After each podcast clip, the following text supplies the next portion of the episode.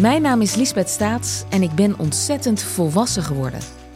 Zo volwassen dat ik zomaar op het punt sta aan de tweede helft van mijn leven te beginnen. Tenminste, dat hoop ik. Maar hoe leid je dat deel van je leven dan een beetje slim en leuk? Dat vraag ik in de podcast Lang zal ze leven aan vrouwen die daar al zijn. Die dat terrein al helemaal hebben verkend en inmiddels uit een enorm reservoir aan wijsheid kunnen tappen. Ik praat onder andere met Annemarie Oster, Petra Lasseur, Annemarie Jortsma en Tineke de Nooi in Lang zal ze leven.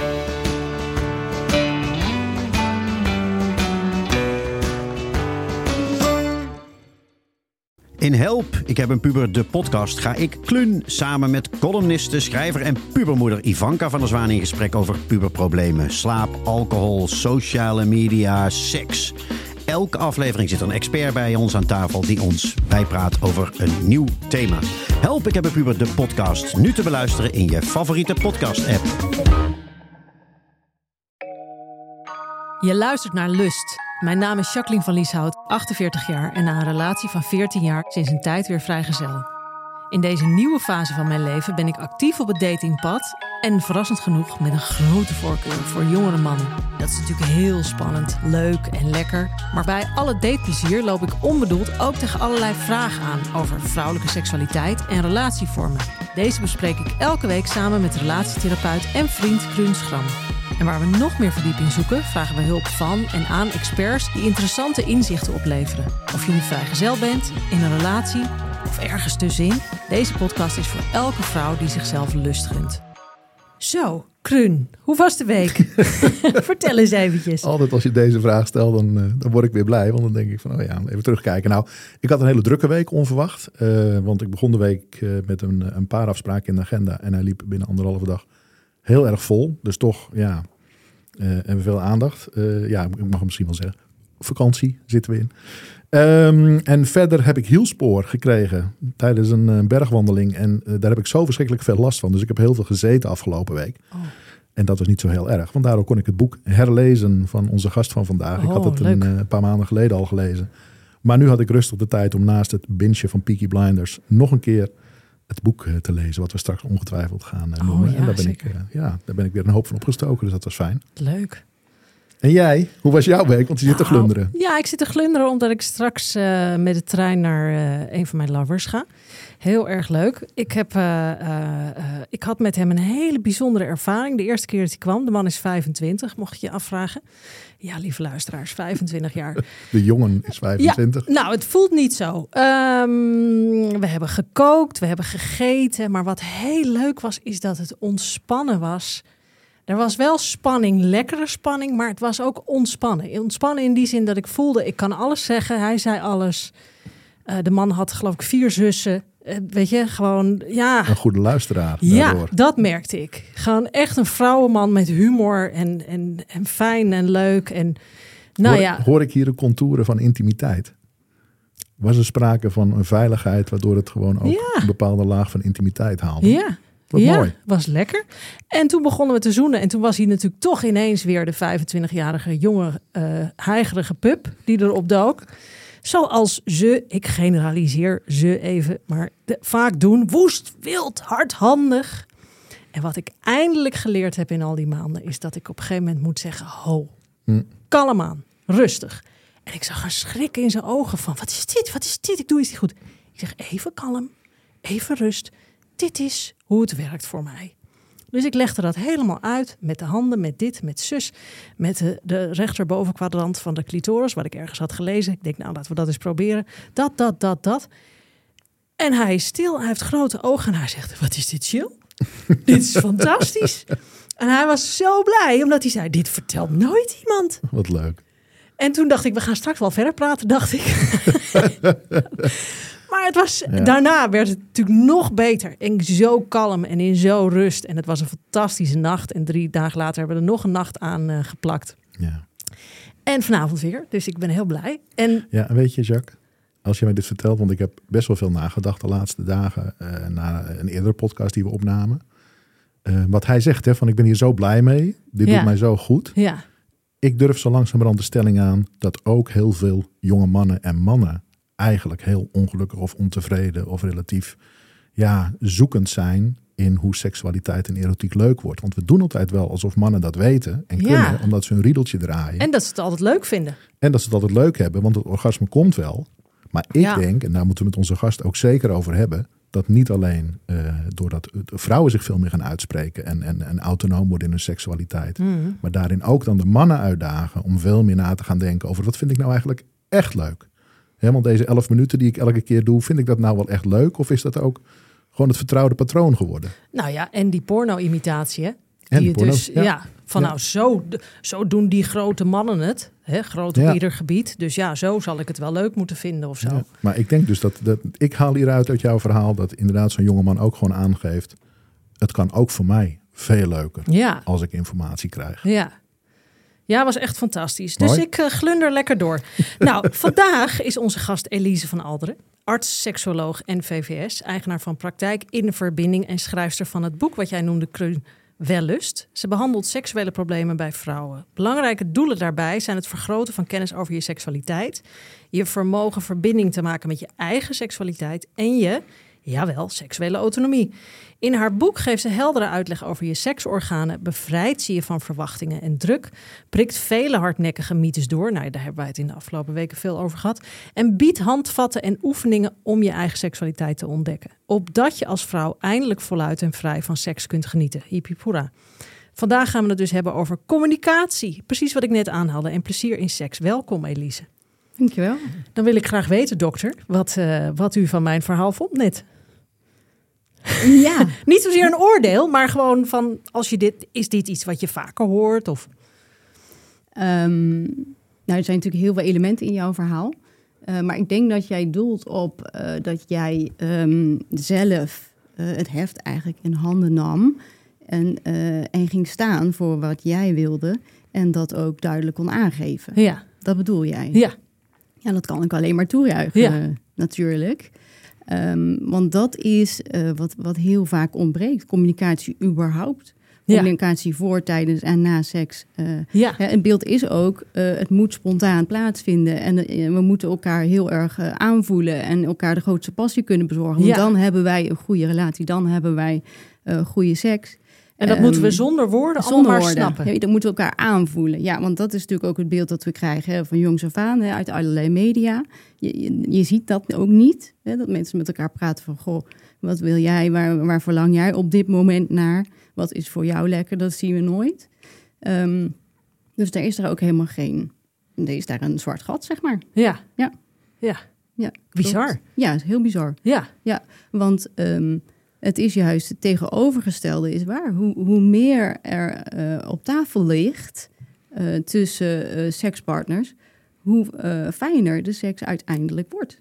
Want je kunt elkaar wel ja, aanvoelen, kan natuurlijk wel tot op zekere hoogte, maar je kunt niet elkaars gedachten lezen of elkaar, elkaars lichaam precies op de milliseconde af, eh, aflezen wa- waar die ander behoefte aan heeft. Het verschilt ook elke keer. Wat je de ene keer lekker vindt, kun je de andere keer helemaal niks vinden. Dus het is gewoon één grote eh, ontdekkingsreis. Elke keer weer. Het is een, een seksuele ontmoeting, eh, een gelijkwaardig gedeeld genot. En, en, en hoe je dat invult is aan de sekspartners van dat moment.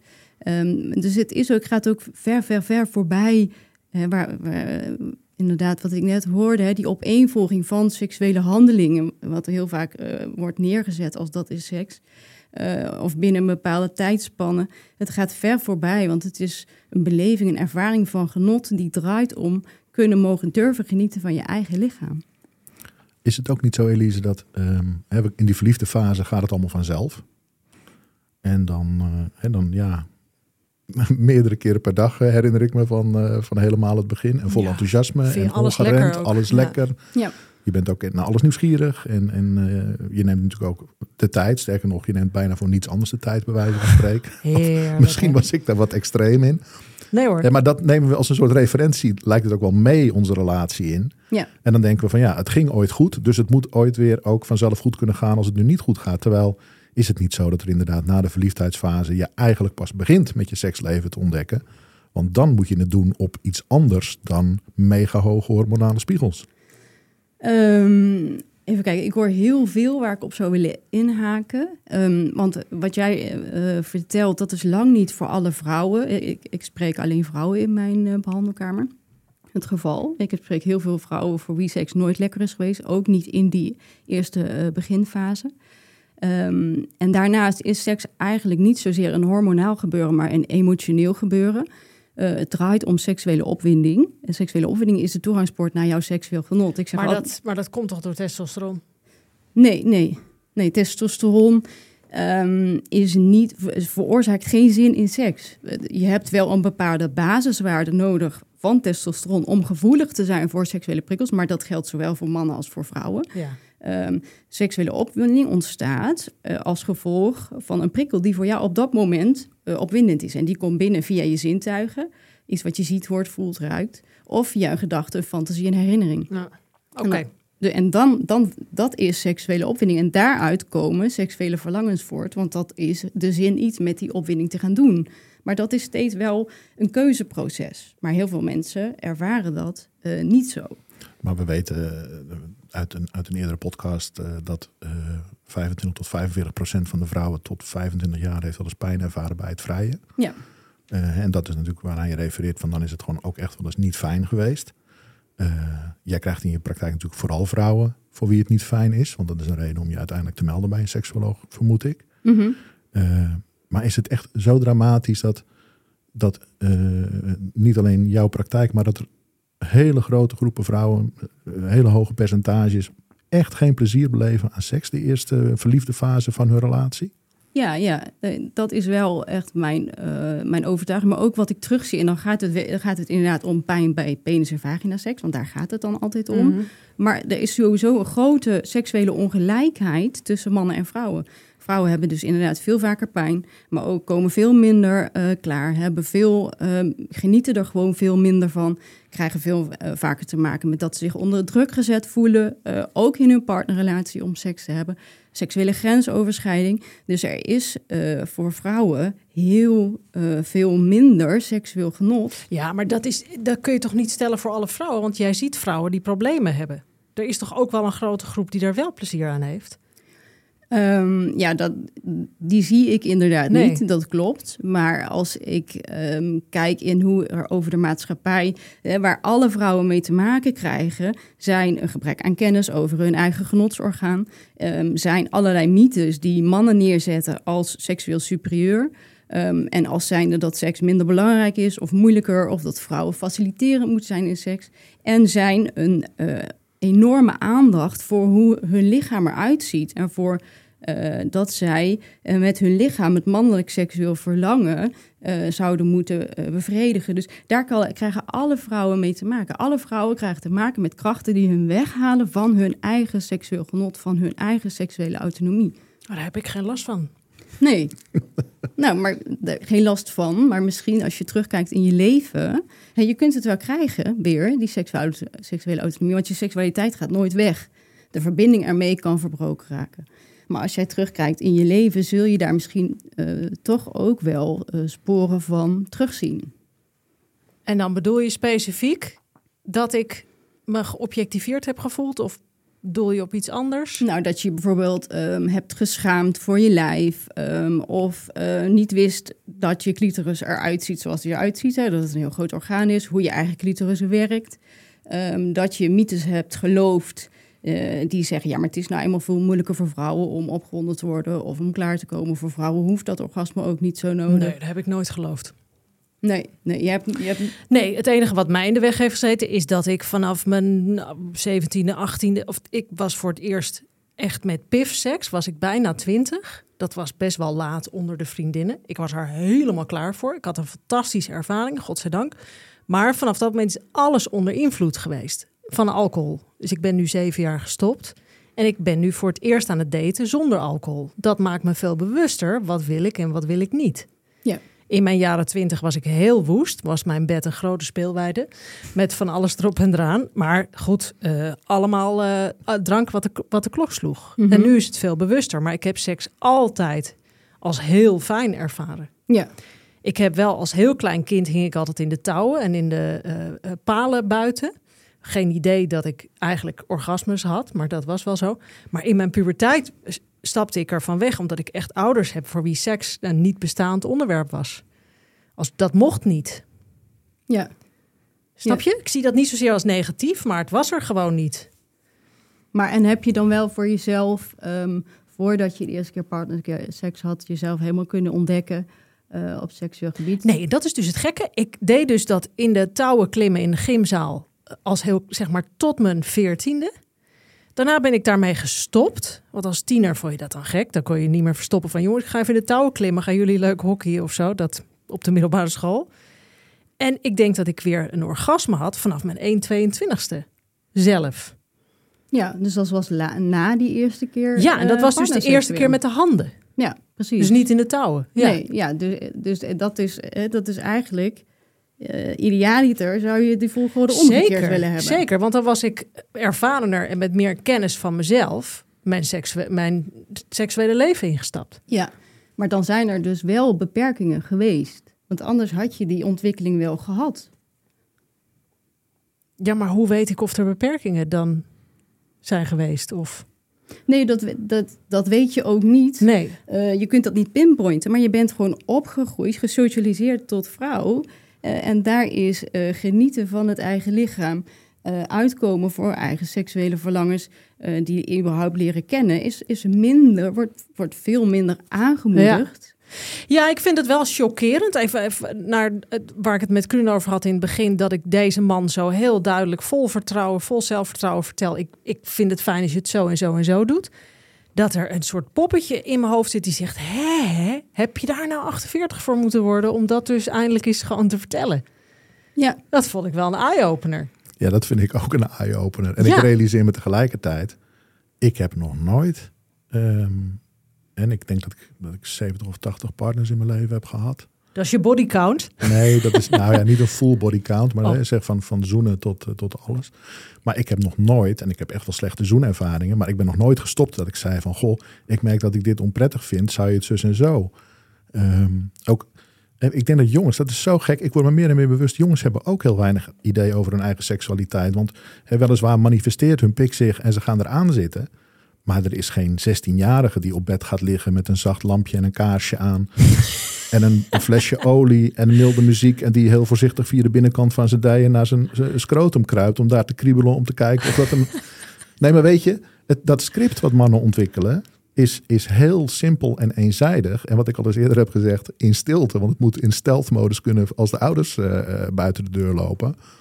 Eh, maar er zit ook geen enkel zelfonderzoek in. Wat dat betreft, ja, Nee. bedoel, ik wil niet flauw doen, maar lopen jongens net zo ver achter als meiden. ja. Alleen op een of andere manier hebben ze er uiteindelijk minder last van, omdat ze de pijn misschien niet ervaren. Dat is natuurlijk een hele belangrijke. hè, 0,2% Pijn. van de jongens Ja. heeft maar pijn.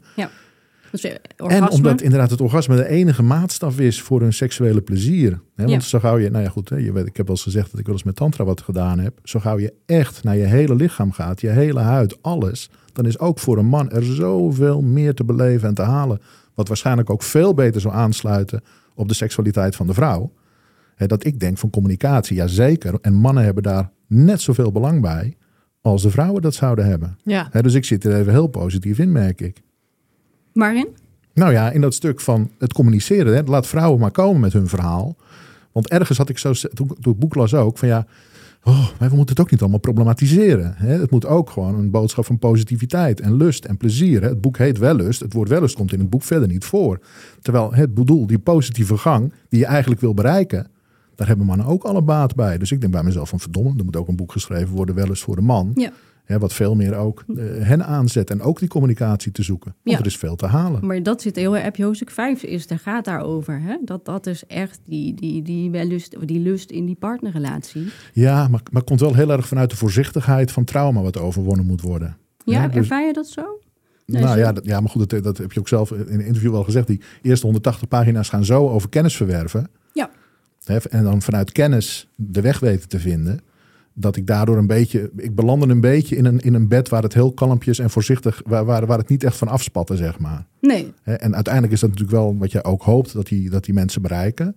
Ja, het is maar net wa- wat je van afspatten vindt. Hè? Het, het gaat echt om eh die intimiteit te kunnen creëren. En dat is nog zo'n ehm, beeld dat heerst. Hè. Je, hebt, je hebt intimiteit en dat is inderdaad kalm. En je hebt passie en daar vliegt het vanaf. Er zijn ook bepaalde therapeuten die zeggen... je hebt een bepaalde afstand nodig om dat te kunnen eh, hè, laten vonken. Maar dat is niet zoals ik het zie. Juist vanuit die intimiteit kan een enorme passie ontstaan. Een enorme, eh, hè, dat vonken. Het kan ook vanuit die intimiteit is juist ontzettend belangrijk om eerst te hebben, omdat je dan de veilige bedding hebt voor je lust. Je hebt geen liefde nodig voor lust. Eh, hè, je kunt prima lekkere seks hebben zonder liefde. Maar de essentiële voorwaarde voor lust is veiligheid. Ik vind, als ik hier mag inhaken, wat ik hoor jou zeggen, je hebt geen liefde nodig voor lust. Dat is ook een soort maatschappelijke mythe. Klopt. Dat vrouwen alleen maar seks kunnen hebben als ze verliefd zijn. Ja. Dat lijkt ook wel een soort aangeleerde mythe. Nee, ik kan alleen maar opgewonden raken als ik verliefd op iemand ben. Ja, klopt. Is dat, is dat een aangeleerd... Ja, dat is, dat, heeft, dat is aangeleerd. Net zoals... Alsof je dat niet mag als vrouw. Van nou, ik zie iets op straat, denk oh lekker, nou dat wil ik wel mee naar huis slepen en daarna gewoon weer eruit zetten. Ja. Even heel plat, maar... Ja, nee, maar dat mag, mag ook niet. Nee, dat is, nee, dat eh, is sletterig. Ja, dat is letterig. Ja. Dat, is, dat, wordt, dat is niet netjes. Ja, Dat hoor je als vrouw niet te doen. ja. Maar en de andere ka- kant van die mythe is binnen de liefde moet het. Hè, Maar dat kan ook niet. Hè, Als je een liefdesrelatie hebt, dan, moet, dan hoort seks daar per se bij. En minstens twee keer in de week. Dat is het idee.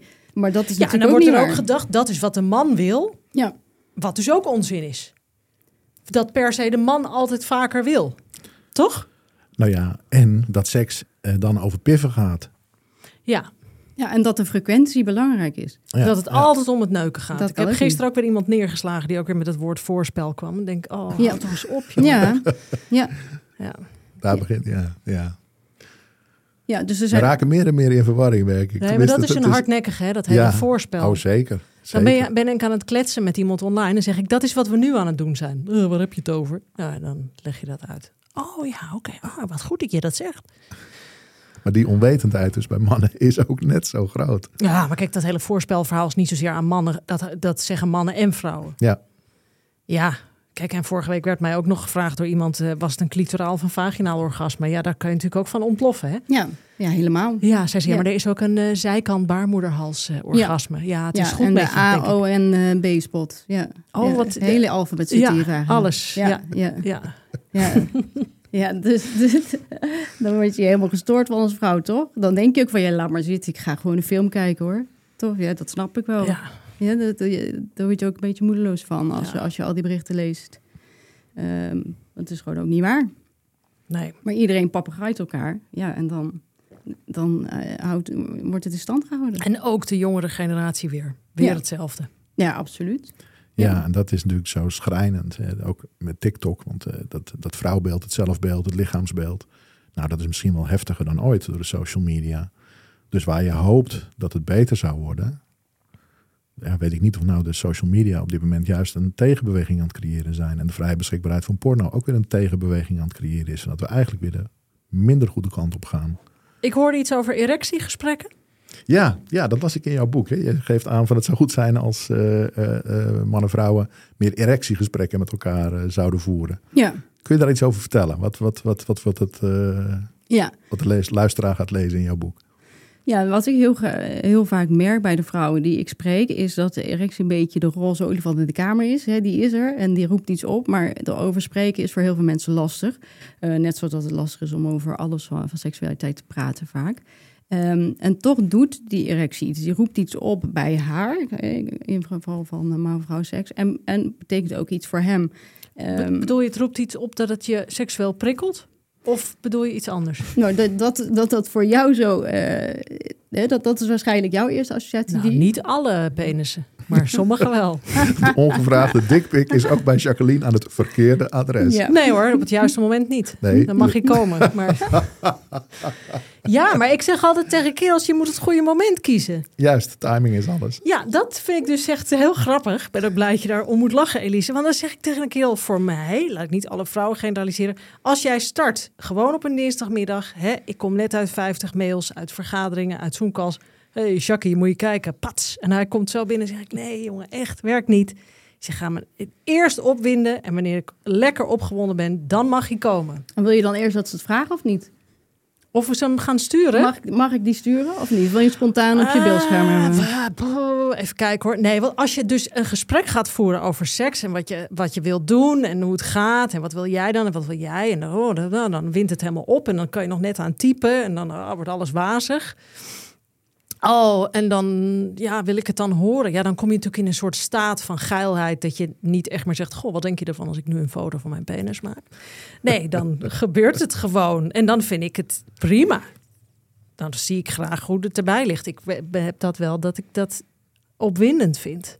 Ja, Maar niet koud. nee. En het, voor mijn gevoel zijn veel mannen kunnen koud. Kun je dat sturen? Waarschijnlijk een vulva-foto. En dan, zeggen- en dan zijn ze acuut aan. Nou, Toch? Ik denk Dat is dat ik denk dat, mannen, ik denk dat mannen van binnen al een heel een aantal minuten voortraject hebben gehad. En al aanstaan op het moment dat Voordat ze het sturen. Ja, ja, ja. En ik was dan nog niet zo ver. Ja, was nog niet zo ver. Nou, ik denk dat er Maar ook even- genoeg mannen zijn die daar echt niet op zitten te wachten. Hè. Heel dat man-vrouw eh, ja, polarisatie de hele tijd. Ik denk dat dat juist tot problemen leidt. Waar, ehm, dus, eh, Misschien denk- zijn er vrouwen die het wel lekker vinden. Die het koud krijgen. Kan ook. Kan, maar de, de, de vrouwen die ik spreek, en daar, daar doel jij op, Grun, is dat, eh, dat dat zijn vrouwen die zitten in een partnerrelatie. Hè, dus een al heel andere situatie dan waar jij eh, Ja. je in eh, begeeft. En ehm, die hebben heel vaak, eh, die, die denken dat een erectie betekent dat er iets van ze verwacht wordt. Dat ze iets ik mee moet moeten. nu iets doen. Ja, Ja. Daarvoor is de erectie een soort huilende baby, zou je kunnen zeggen. Kom in actie. Ja, maar ja, zo, ja, is je. een ja maar er zijn ook heel veel vrouwen die daarvan wegrennen, van een huilende baby. Dus Maar in ieder geval, de roze olifant in de kamer. Ja, ik denk inderdaad dat, dat mannen zijn... Ik, ik ben me daar nooit bewust van geweest. Dat dat een, een, eh, een, een bijna agressieve totempaal is of zo. Waar inderdaad gedoe over zou kunnen zijn. Ja, agressief zou ik niet meteen willen zeggen. Dat ligt natuurlijk aan hoe de, de eigenaar van die benen zich daarbij eh, gedraagt. Maar het is vaak een uiting van een patroon dat in een relatie is geslopen. Ehm, en, maar een erectie, dat zeg ik eh, heel vaak, is eigenlijk een van de meest overschatte fenomenen misschien wel ter wereld. Want wij krijgen allemaal aangeleerd, erectie betekent hij wil of moet zelfs seks hebben. Maar dat is helemaal niet zo. Nee. Er zijn honderd en andere redenen waarom een man een erectie kan krijgen. En daar komt dan inderdaad ook die seksuele autonomie om de hoek kijken. Dat mannen gaan voelen. Niet kijken van, oh, ik heb een erectie, dus dat betekent dit. Maar voelen van, wat voel ik er nou eigenlijk bij? Want ook bij angst, eh, of eh, gewoon bij aanraken van de penis, of bij zitten in de bus, maar ook bij sensualiteit. Wij zitten in de bus. Bijvoorbeeld, ja, door het mechanische. Maar ook bij sensualiteit, dus dat is het genieten van iets lichamelijks, maar niet iets seksueels, kan een man een erectie hebben. Maar dan is het dus sensualiteit en niet seksualiteit. En, eh, en die differentiatie is heel erg Maar is toch een dun lijntje? Kan, hoeft helemaal niet. Kan, kan. Oké. Weet je, ik moet wel eerlijk zeggen, nu ga ik even terug naar mijn eigen eh, eh, jongen, jongenstijd. Tussen 15 en 25, je, hebt zo vaak een erectie, je hebt zoveel erecties, je hebt door het minste of het geringste een erectie. Dat is wel echt een ding waar je, denk ik, dan helemaal niet zo van bewust bent hoe vaak dat is, maar ook hoe manifest dat is en hoe, hoe, ja, hoezeer dat je ook een rol pakt in je leven. Kun je je voorstellen? Ik kan mezelf het grapje herinneren dat ik zei, ik was thuis met mijn twee broers. Ik zei, ik moet even naar de wc, want ik heb even geen stijve. Kan ik even plassen? nee, maar er is, er is echt een fase waarin die Ja. testosteron, die erectie, zo manifest. Ik denk dat daar ook weer een stuk van dat, dat patriarchaat en dat mannelijk eh, script eh, uit voortkomt. Dat er is een fase dat wij best wel geregeerd worden door onze testosteron. En we kunnen er niet zoveel aan doen. Dat maakt ons geen slachtoffer. Hè, maar het is, het is niet zo dat mannen lekker in deze wedstrijd zitten op die leeftijd. Ze zijn net zo onzeker. Ze lopen te klooien. Ze hebben beelden van hoe het zou moeten. Ze moeten presteren. Ze moeten leveren. Is hij groot genoeg? Is hij hard genoeg? Is hij dik genoeg? Kan ik het lang genoeg? Het zal de meest voorkomende vraag zijn bij de seksuoloog van mannen. Van ik kom te snel klaar of ik ben al klaar voordat ik naar binnen ga. Want dan gaat het toch weer over piffen, piffen, piffen. Maar ook mannen zitten slecht in die wedstrijd. En dan Ja. ontmoet je een vrouw die haar eigen seksualiteit nog nauwelijks kent. Het is echt Ja. een redelijk treurig beeld van de 20-jarige die in bed belanden, toch? Ja, ja niet, en niet alleen de 20-jarigen. Dit, dit verspreidt zich over alle leeftijden uit. Mhm. Dus het is heel erg wat er van seks eh, is geworden eigenlijk. Want ehm, eh, als we allemaal nou van jongs af aan zouden leren dat het vooral iets gevoelsmatigs is en iets waar we ons eigen lijf eh, voor, hè, voor, voor, van mogen genieten en dat op een gegeven moment samen met iemand anders gaan doen, dan wordt het een heel ander verhaal. Maar wat ik echt kan vertellen, Elise, het verandert je als mens als je, eh, en dat is lastig, als je echt zegt, ik ga schaamteloos, rukzichtloos, rukzichtloos is alsof het respectloos, dat bedoel ik zeker niet, maar genieten van mijn eigen seksualiteit. En ik ga doen daarmee wat ik wil. En als ik iemand ontmoet waarvan ik denk, daar wil ik het mee doen, en je doet dat en het is fijn en je wordt allebei blij, en iemand gaat de deur uit en ik gloei nog dagen na. En dat is de week daarna met iemand anders, of een maand daarna, of whatever. Of ik doe het wel nog een keer of niet. Dat is zo fantastisch. Dat geeft zoveel kracht. En wat ik ook merk, is dat ik ook vaker op straat iemand zie dat ik denk: oh, of die is leuk. Of oh, daar heb ik leuk oogcontact. Of oh, en ik heb snellere opwinding. Ik zit heel lekker in mijn lijf. Alles voelt fijn. Ik masturbeer weer meer. Dan denk ik: ja, we hebben het eerder gehad over beperkingen. Nu besef ik pas dat die er dus wel zijn geweest. Ja, ja. En in, hoe- Dit is seksuele kracht, wat ik nu ervaar. Ja, precies. Op welke manier heeft het jou eh, veranderd dan? Omdat je voelt dat dit een basis iets is. Voor mij. Ik vind het moeilijk. Ik heb de neiging om alles te, heel stellig te generaliseren. Dus dat is heel erg hoe ik ben. Voor mij voelt het, dit is mijn basiskracht. Ik denk dat je heel veel zelfvertrouwen, eh, ja, gewoon meer zonneschijn in je leven. Oh, is echt niet te geloven. Ja. Dat is fantastisch. Ja. Kan ja. ik zo iedereen aanraden. En zit er ook vrijheid bij? Vrijheid is misschien wel het kernwoord. Ja, hè? Ja. Ja, ja, ja. En daarvoor heb je je dus uit een relatie moeten vechten, ook om dat te vinden. Want dat is natuurlijk het lastige in partnerrelaties. Ja. En je hebt die ene en daar mot het mee. Ja. En daar maak je natuurlijk de rottige dingen mee, de leuke dingen mee. ja. ja. Ja, maar hoe kun je daar diezelfde vibe, hoe kun je daar dat plezier in seks kun je met elkaar houden? Want ik realiseer me ineens natuurlijk, hè, zeker als bijvoorbeeld kinderen geboren zijn, kan Ja. hè, fysiek eh, de anatomie van de vrouw best wel hè, veranderen. Eh, schade, eh, kan met trauma meekomen. Trauma ook van bij, bevallen ook. ook bij mannen. een toestand. Ja, die hebben een vrouw in ene ook op een hele andere manier gezien. Dus soms, ja, gek genoeg, nemen sommige mannen dat ook mee uit een, uit een bevalling. Maar om dan het gesprek te hebben en het weer leuk te krijgen en weer ja, te onderzoeken van wat dan nog meer en hoe aanraken en het erotisch maken in plaats van piffen. Het is zo'n opgave en we leren het nergens. Nee, Nee, wat, wat zeg jij tegen vrouwen die daarmee komen? Die zeggen, goh, ik ben een half jaar geleden begonnen. Ik wil zo graag weer me seksueel voelen met mijn man. Hoe, hoe begin je dan met iemand? Begonnen met wat? Nou, stel, bevalling. ja, Oh, iemand komt bij jou en zegt, ik ben een half jaar geleden bevallen. Ik, eh, eh, mijn man wel al een hele tijd. Ik ben er nu zelf aan toe om weer mijn seksualiteit te voelen en te ervaren. Waar begin ik? Ja. Wat zeg je dan? Nou, mijn, daarom behandel ik ook alleen vrouwen. Mijn behandeling is altijd gestoeld op seksuele autonomie. Dus eh, ga als vrouw contact maken met je seksuele opwinding. hebben heel veel vrouwen nog nooit gedaan. Ga voelen. Dus alleen voelen Betekent en dat per se masturberen? Of Nee, juist niet. Alleen Juist niet? Jou voelen. Voelen en ervaren van Maar wat hoe gebeurt hoe er. is dat, wat betekent dat praktisch? Nou, seksuele opwinding ontstaat dus als reactie op een prikkel. En niet spontaan, want ik zit op de bank en ben ineens zo opgewonden. Dat is onzin. Het is een prikkel. Eh, dus je gaat eh, voor jezelf potentieel seksuele prikkels opzoeken. Dus iets luisteren, iets kijken, iets horen, iets lezen, iets fantaseren. Ehm, en dan ga je voelen zelf, wat gebeurt er nou in mijn lichaam? Maar dan zet ik, ik stap even in zo'n liggen van een vrouw. Die kijkt je aan en die zegt, ja, maar Elise, waar, ik weet helemaal niet waar ik opgewonden van word. nee. Waar moet ik dan beginnen? Nou ja, dan zeg ik, ik stuur je, jou een mail met allemaal links. En die kun je gaan eh, bekijken en lezen en luisteren. Maar vinden ze dat niet heel heftig, omdat ze zich daarvoor schamen? Van nou, dan stel Nee. dat ik geil word. Help, alsjeblieft. Ja, schaamte is er eigenlijk niet. Ehm, en dat, dat bevestigt heel erg voor mij dat dat de juiste weg is. Want ze vinden het allemaal heel logisch. En ze vinden het hartstikke fijn dat ze zelf, die eindelijk, zij voelen heel erg die vrijheid, die ligt daar, die ligt er, die is er voor mij ook. Ik moet voorbij mijn weerstand. Ik moet voorbij mijn schaamte. Ik moet voorbij mijn angst en mijn woede en mijn verdriet die daar ook liggen. Ja, En daarachter ligt mijn vrijheid. Dat ik voelen mag, ze. mag opwinding Ik ervaren. mag dit ja. voor mezelf doen. Ja. hey, Elise, en waarom betrek je daar de man dan niet bij? Want dan denk ik van nou, hè, de man is niet de vijand. Nee. Sterker nog, heel veel mannen eh, blijven stapelgek op hun eigen vrouw. Ook nadat de kinderen geboren zijn, vinden hun vrouw nog altijd prachtig. Al ziet zij het zelf niet meer. Hij ziet het nog wel. Ja.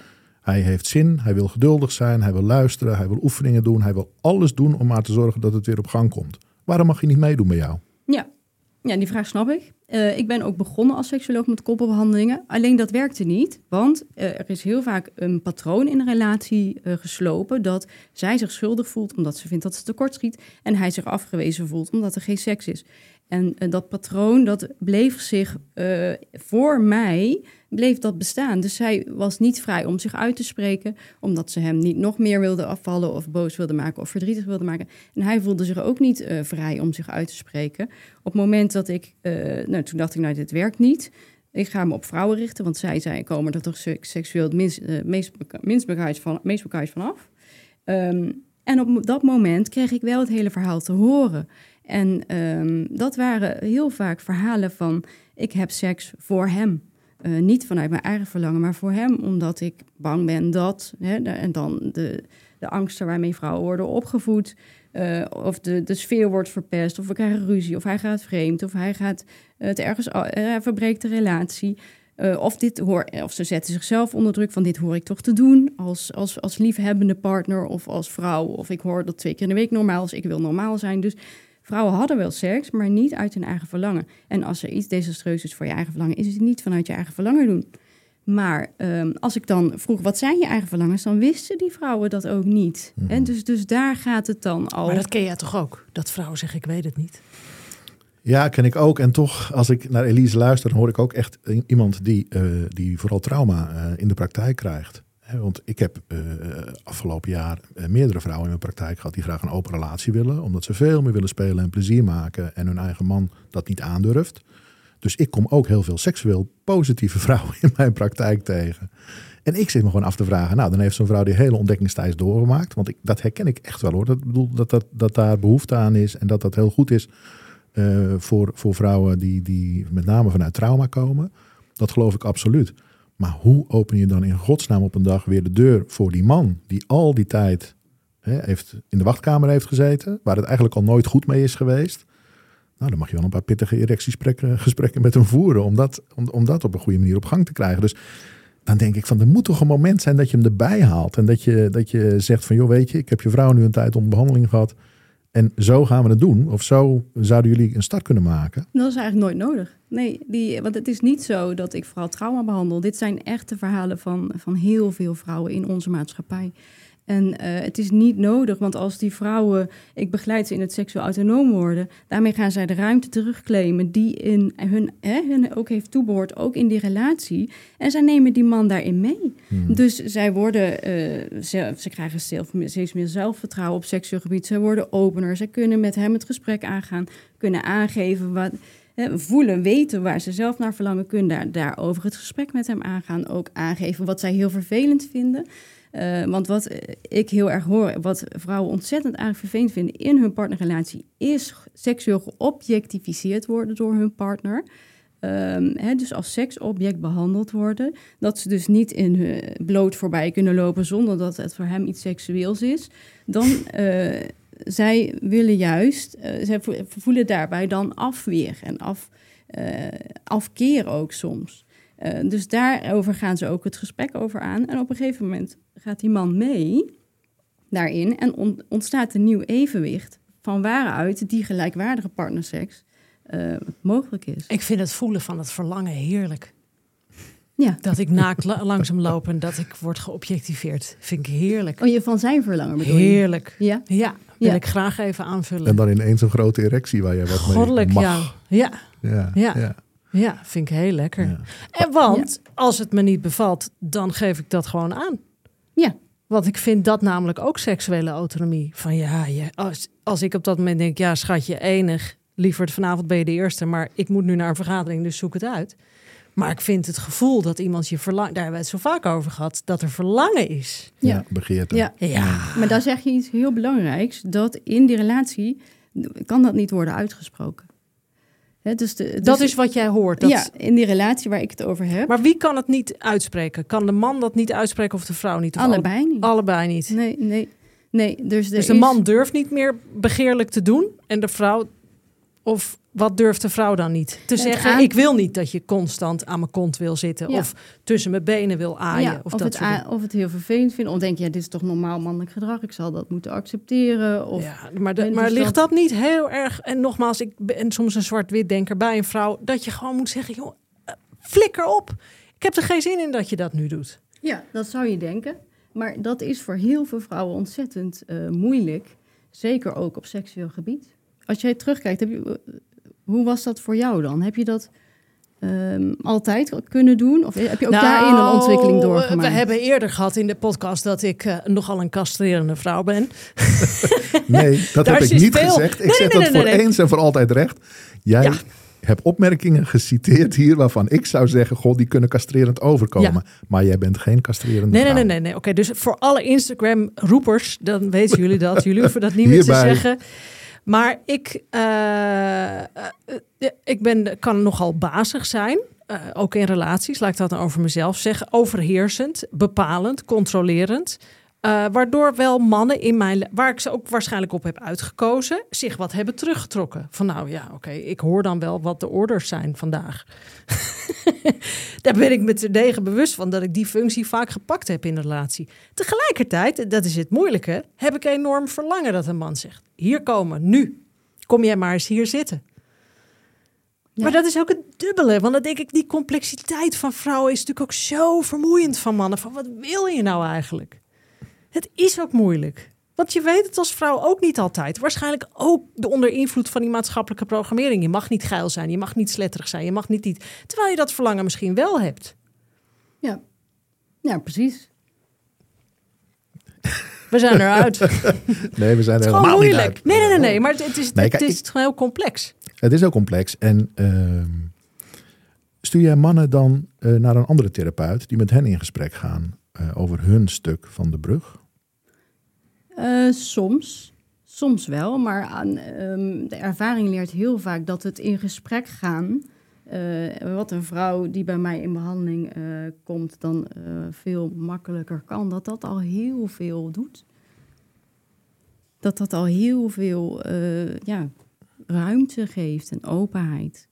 Ehm, waardoor dingen niet meer ingevuld hoeven te worden. Maar Want dat- even hoor, ik ben misschien een beetje een ouderwetse man. 21ste eeuw. Eh, dit is toch niet alleen een probleem van een vrouw. Dit is toch iets waar een man ook eh, educatie op mag zoeken. Of ook bewustwording op mag krijgen. Of ook zijn onbewuste onbekwaamheid mag aanpakken, aanspreken. Dus ik zou jou uitnodigen. Zeg tegen iedere vrouw van laat die man één keer komen.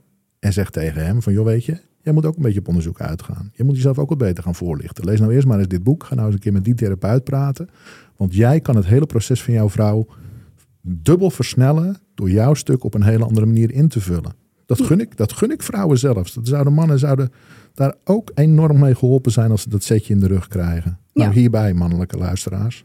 Nou, ik, ik snap wat je zegt, maar mijn ervaring is dat het veel beter werkt als hun eigen partner het aangeeft dan wanneer ik het aangeef. Want dan gaan zij echt samen over hun eigen seksualiteit in gesprek eh, en komen ze echt ergens waar zij samen het ook moeten doen. Ja, natuurlijk. Maar die man die moet wel horen van, joh, listen up. Jij hebt nou helemaal een patriarchaal script in je hoofd. Je bent op een bepaalde manier gevormd door je opvoeding. Jij hebt, omdat je die pik altijd voor je neus had hangen, hè, ben je daar vertrouwd mee. Dus jij zit er heel anders in dan je vrouw en daar moet je je van bewust zijn. En daarom, et cetera. Hè. Dus dat stukje onbewust onbekwaamheid zit bij heel veel mannen. En dat weten ze niet. Hè, Dus dat is waar ik van, ik denk van ja, Dat denk ik ook. Maar... Ehm, Elise, ik wil jou graag vragen. Heb jij voor mensen, vrou- vrouwen die luisteren, of mannen, maar laten we het even vooral op vrouwen houden, die zeggen: Ja, ik wil ook mijn seksuele autonomie terug. Maar ik vind het best wel spannend om Elise daarvoor te benaderen. Of iemand anders, of mijn huisarts, of wie dan ook. Ik loop hier in het bos. Ik luister stiekem naar deze podcast iedere woensdag met de hond. En ik denk, ik wil twee startende tips om mijn seksuele autonomie terug te kunnen vinden. Kun je die geven? Ja, eh, nou de allereerste is inderdaad, eh, wat ik al aangaf, is ga seksuele opwinding opzoeken, eh, verkennen. Ga voelen hoe dat is voor jou, zodat je er vertrouwd mee wordt, eh, er bekend mee wordt, er vrij in wordt. En zodat je zeker weet wat er moet zijn, wil jij van seks kunnen genieten. Ja, want als je geen seksuele opwinding voelt, kun je beter iets anders leuks gaan doen. Nee. Dan wordt het hem niet. dus daar begint het. Dus het begint altijd met seksuele opwinding. Ja. Zo En niet denken, die heb ik niet, want die heb je. wel. Die, die kun je opwekken. Ja. ja, Precies. zeker. Ja, je schrijft ook in je boek, hè, daar hoort ook wellicht zelfs bij kijken naar eh, ethisch eh, gemaakte porno voor vrouwen, waar Ja. natuurlijk ook een groot schaamtestuk op zit. Ja, ja, bij porno ligt het er natuurlijk maar net aan eh, of je visueel ingesteld bent of niet. Hè? Dus echt niet zo dat het voor iedereen moet of hoort, ook niet voor alle mannen. Het maar net, vind jij dat leuk om te Ja, kijken? Of, of, of, luister verhalen. je? Of lees, je? Ja, erotische Ja. podcast. hè, Of lees je liever of maak je zelf je eigen beelden? Het maakt allemaal niet uit. Eh, het is inderdaad wel zo, als jij porno kijkt, geef ik altijd mee. ehm, zoek inderdaad ethische porno. Daar moet je voor betalen. Dat is heel normaal. Dan moet je voor al je streaming en andere dingen.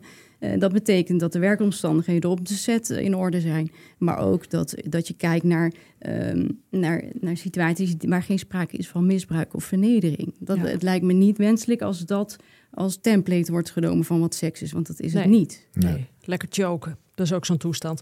Ehm, al vaak genoemd.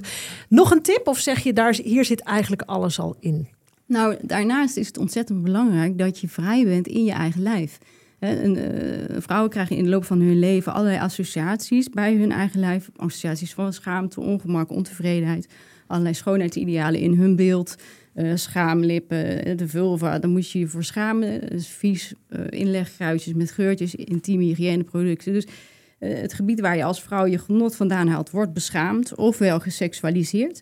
Eh, en het gevolg is dat vrouwen dat ook heel vaak zelf gaan doen. En je kunt daar niet genieten met je eigen lijf als je daar een blokkade hebt die, van, van schaamte of, of, of door Ja. seksualisering vanuit die male gaze.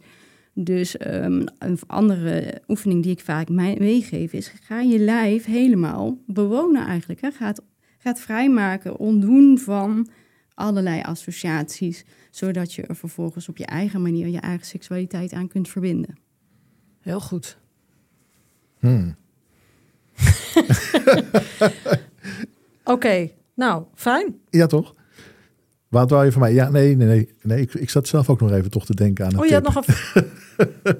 je had nog een tip of een vraag. Ja, nou ja, goed. Mijn tip is dan toch nu maar een keer voor de mannelijke luisteraars. Weet je, realiseer je eh terdege dat eh, het script wat wij hebben als man, dat dat ons ook niet zo heel veel brengt. Dat er ook nog veel meer te beleven en te onderzoeken en leuk eh, te hebben valt met, met je partner, met je vrouw of, of, of man.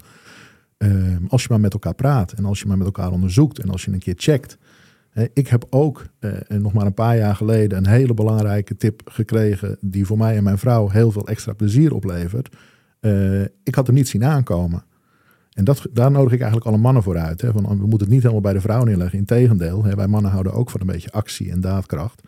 Eh, eh, wees je ervan bewust dat er ook voor jou als man veel meer te halen is. Als je die communicatie met je vrouw op een goede manier zoekt. En stap daarbij uit je mannelijke script van dat piffen, van dat penis in vagina neuken.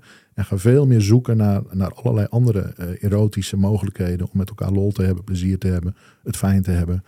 En seksueel bevredigd te zijn. Precies. Ja, en dat kun je, dat kun je doen door met elkaar erover te hebben. Hè? Van, Ja. nou, we gaan seks hebben en geen penis- en vagina-seks.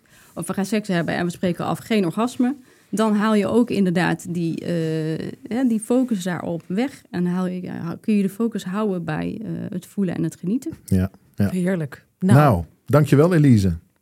Graag gedaan. Ja, mocht je weer willen weten, ehm, dan kun je naar je website verbindinginpraktijk.nl. Zeg ik dat goed? Dat zeg je. Hartstikke goed. en het boek lezen gewoon. Ja. En Jij een nog filmpje. iets, eh En een filmpje op YouTube is er ook nog van Ja. Elise te bewonderen. Ja, hartstikke goed. Nee, ik ben hier positief uitgekomen. En ik, eh, ja, ik heb ook weer zin om een blog te schrijven. Dus dat ga ik ook doen. En dat gaat ook over dit onderwerp. Hartstikke goed. Ben benieuwd. Nou, lieve allemaal, maak er wat leuks van. Ga door in de reis voor je seksuele autonomie. Ik ga zo heerlijk naar mijn eh, goed communicerende lover. maak er een leuke week van. Het leven is te kort om het niet te doen. Veel plezier. Zo is het.